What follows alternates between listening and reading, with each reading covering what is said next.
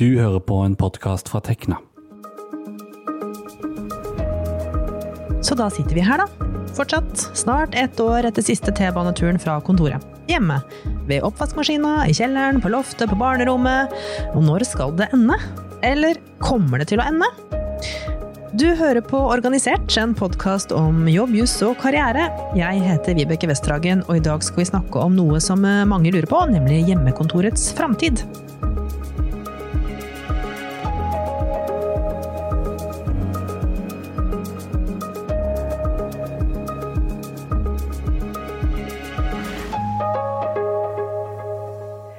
For litt siden hadde jeg en eh, koronavennlig walk and talk på telefonen med ei venninne, og hun fortalte at hun hadde funnet igjen kjøleskapskalenderen sin fra januar 2020.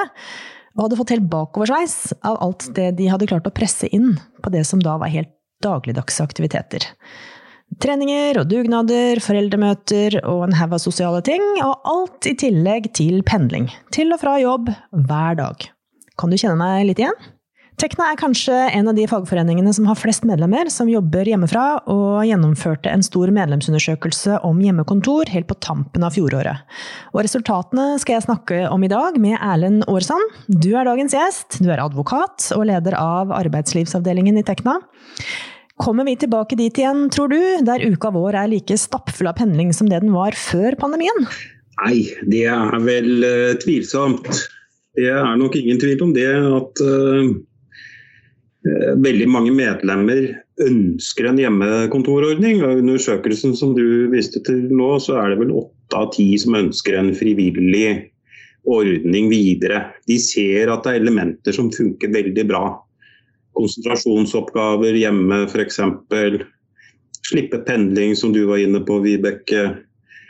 Nei, det, fremtiden ser annerledes ut. Det gjør den. Kanskje flere vil flytte ut av byen, litt lenger unna arbeidsplassen, jobbe, mm. jobbe hjemmefra. Og De som er eksperter på dette, sier fort vekk at, uh, at det kan fremtiden blir én til to dager i uka hvor du jobber hjemmefra. da. Altså Før så kalte man liksom hjemmekontoret litt eh, flåsete for hjemmekontor med GJ. Eh, hvor, hvor, mye, hvor mye er det vi egentlig får gjort på dette hjemmekontoret, ifølge denne undersøkelsen? Nei, eh, det er ingen tvil om at våre grupper, Tekna-medlemmene eh, og andre høyt utdanna, de, det er jo ikke sånn at noen må passe på de for at de gjør jobben. Tvert imot, noen av de må kanskje holdes litt igjen. Og det er nok sånn at eh, en 60-70 opplever at de er mer effektive på hjemmekontor. De får ro. Og det er klassisk, Denne gruppen her, de tar jo ansvar utenfor egen stilling. Altså stå på for å levere. Altså, det er nok ikke så mange der som trenger en sjef med en stoppeklokke på de, da. Nei. Så det er effektivt. Det, svaret på det er ja. Men det har jo også noen negative sider. Men det kommer du helt sikkert tilbake til. Da. Ja, jeg lurer jo litt på det, da. Altså, eh, hva med det sosiale? Altså, de får gjort masse, men hva med den sosiale dimensjonen som vi har snakka mye om gjennom koronaperioden? Nei, for å ta det, eh, ta det de, de, savner eh, fellesskapet på jobb. Det gjør de. Altså snakke rundt kaffemaskinen, løse ting. Det er en høyere terskel for å kontakte eh, andre. Og, men det som jeg kanskje syns er mest øh, krevende da, å lese i den undersøkelsen, det er jo at ca. to av ti opplever ensomhet og isolasjon. Og det er jo sånn Mange har forskjellige hjem. ikke sant? Unge kan bo, bo kanskje spinkelt, at de sitter på kjøkkenet i en hybel, jobber, er nyansatte.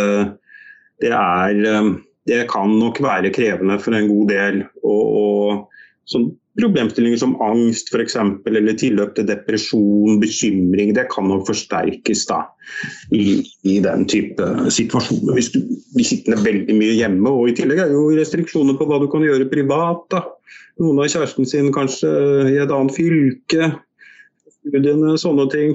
Så er dette noe, altså dette med slitasje, er dette noe som ditt inntrykk altså Er arbeidsgiverne til stede på dette? Altså, er de kjent med problemet og gjør noe med det, eller vet du noe om det?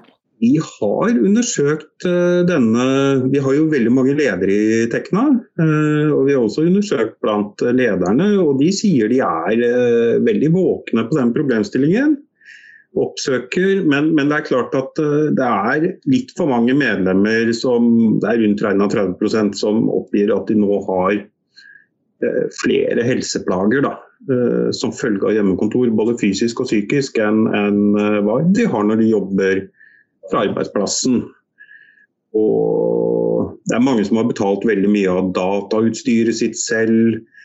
Arbeidsgivere har vært noe flinkere der, da, kanskje, men, men eh, når det gjelder ergometrisk utstyr, altså kontorutstyr, så er det en ganske stor andel som ikke har nok av det. Altså over 50% som savner dette. Da, og en del har også betalt dette selv. Da. Ja, er ikke det litt rart?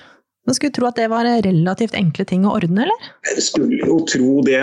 Og, men dette har, litt, eh, dette har tatt litt lang tid. Det har nok ikke vært så mye fokus på det. Det har vært mer fokus på å få gjort jobben. Eksempelvis så avdekker vi også når vi snakker med medlemmene at det er mange som ikke har dekket bredbånd. Altså, det er jo klassisk eh, arbeidsverktøy da, for å få levert effektivt eh, digitalt. Så det er en del ting som må tas opp, og en del ting som altså, tillitsvalgte da også må ta opp. Men jeg tror bedriftene, da, det, Hos noen så har det vært en viss treghet. Men det er klart mange har vært på jobb, hentet kontorutstyr. En del arbeidsgivere har også kjøpt utstyr og, og levert, men er kanskje litt altså Undersøkelsen vår tyder jo på at det er i for lite, litt for liten grad. Da. Det burde vært eh, bedre system på det. Før vi snakker videre, så skal vi høre et eh, innslag vi, med Tekna-reporter Sondre Tallaksrud. Han har snakka med Inger Skjærholt, som har hatt hjemmekontor nå snart et år i strekk. Og føler at hun har opplevd ganske, flere nedturer eh, i løpet av den tida, men føler at hun nå har fått bedre rutiner som gjør at hun kan komme seg gjennom også de neste månedene. Jeg har en eh, ekstern skjerm, og så har jeg laptopen min, og så har jeg et uh, eget tastatur. Ikke, altså ikke det liksom faste laptop-tastaturet, men et ordentlig tastatur og en ordentlig mus. Og så har jeg en kontorstol, og så er jeg så heldig at jeg allerede hadde en pult som kan heves og senkes, sånn at jeg kan stå når jeg trenger det, så jeg får litt bevegelse. Inger Skjærholt, som jobber som backend-utvikler i konsulentselskapet Making Waves, har hatt hjemmekontor i snart ett år. Det har vært en berg-og-dal-bane å jobbe hjemmefra, og for to måneder siden så sa det faktisk stopp. Det, det gikk bra fram til jul til å begynne med så var det jo dugnadsånd, og dette nå bare Alle gjør en innsats, og vi får det til å funke og sånn. Og så ble vi jo så vant til det, og så bare drøyde det. Og så var det jo juleferien å glede seg til. Og det å bare se folk i 3D i, i to uker i strekk, og så komme tilbake på kontoret og tilbake til Teams-møter og headset hele dagen, vet du hva, det syns jeg var ganske brutalt. Jeg syns det var mye vanskeligere etter jul enn før jul jeg sa det rett ut til teamet mitt at vet dere hva, nå jeg er så lei Teams, jeg er så lei møter. Og så hadde vi en sånn skikkelig Alle andre var jo også lei Teams og ville ha mer juleferie, og selvfølgelig, vi er jo lei alle sammen. Så det ble en ganske god sånn luftesesjon, faktisk. Har du, har du, lært deg noen uh, triks, uh, noe du kan dele uh, som kan gjøre det lettere å jobbe på hjemmekontor for andre også? Jeg tenker Finn deg et sted med vindu. Du, jeg har en kollega som sitter i gangen f.eks. Det er ikke et veldig koselig sted å sitte, tror jeg. Så pass på å få litt dagslys og få litt luft. Inger tar ofte med seg mobilen og har møtene ute i naturen. En annen ting hun har satt veldig stor pris på, er daglige morgenmøter. Vi møtes hver morgen i et kvarter og fortell, snakker om hva vi gjorde i går og hva vi skal gjøre i dag. Og Det er ikke sånn dypt uh, problemløsningsnivå, men bare vi tar den lille foten i bakken. Da. Og så logger jeg av når jeg logger av.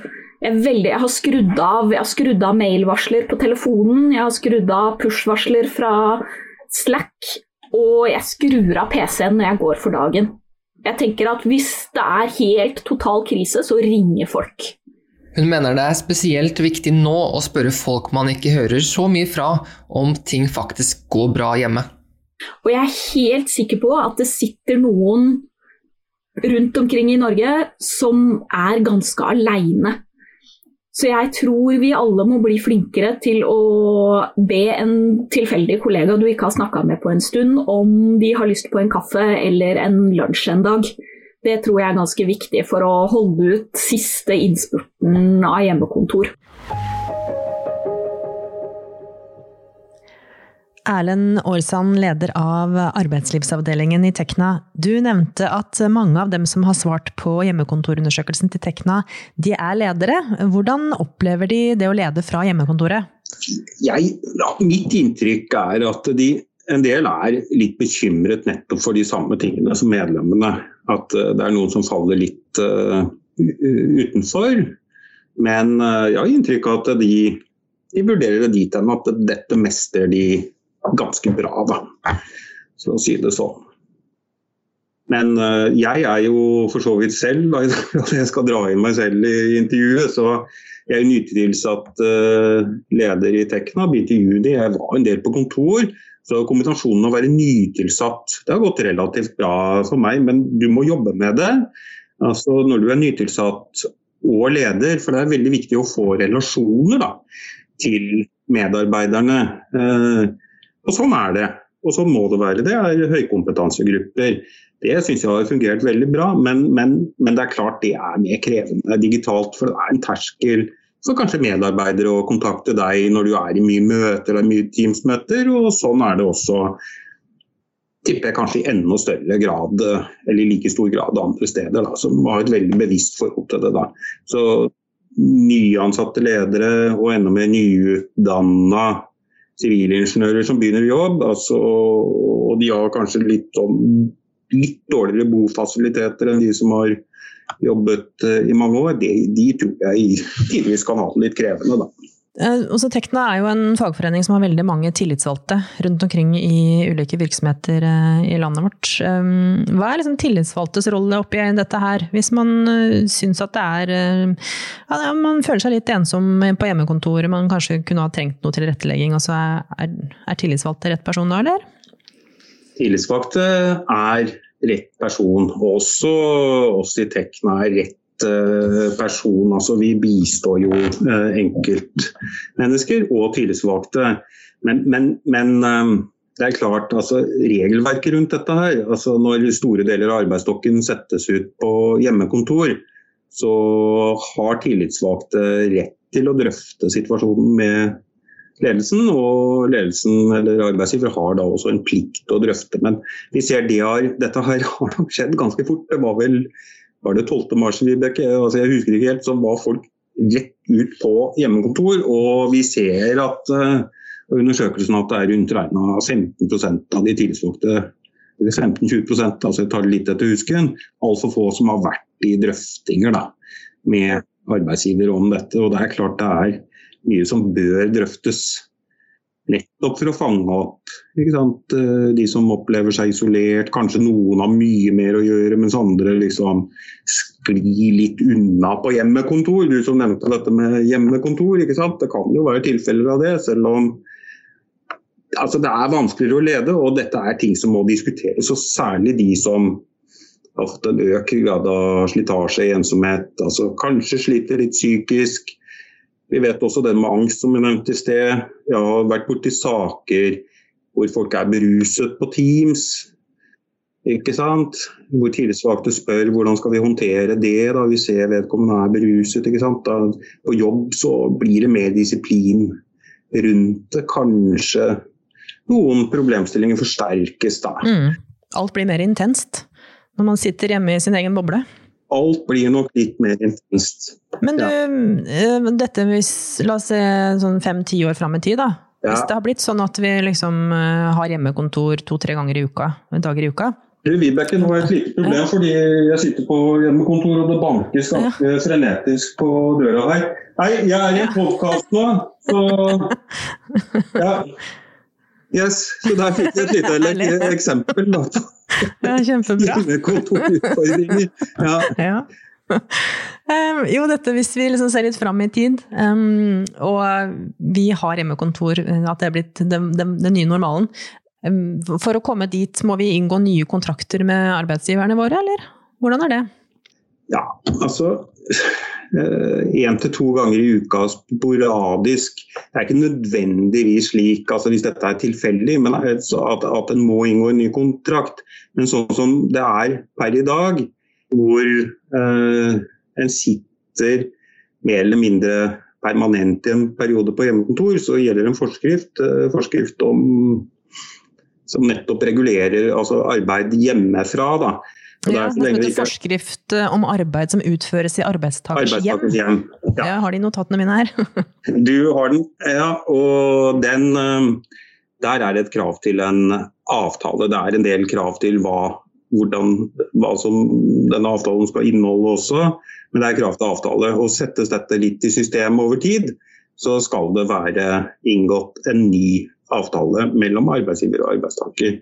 Og noen begynner å få disse avtalene nå litt uenighet ute. altså sånn som Virke, en hovedorganisasjon, de mener den forskriften ikke kommer til anvendelse. Vi er tydelige på at den kommer til anvendelse, og det skal være en avtale. Og denne avtalen, altså systemene, hva som skal stå i den, det bør naturlig nok drøftes med tillitsvalgte. Da. Det er ikke så mange som har fått slike avtaler hittil, men det begynner å komme. og Vi ser noen eksempler på det, og det er noen, noen risikomomenter elementer også i de avtalene vi har sett. Da. Men denne forskriften den skal revideres, stemmer ikke det? Den skal revideres. Og det vi regner med altså Tekna er representert i et utvalg i Akademikerne som kommer med innspill da, til dette arbeidet til ASD, som jobber med den forskriften. Jeg tipper eh, sent vinter, vår, så kommer det en ny forskrift ut på høring. Og Det som er litt um, som man skal tenke litt over når det gjelder den forskriften, den, den, gjelder arbeid hjemmefra. ikke sant? På din hjemstedadresse. Den gjelder f.eks.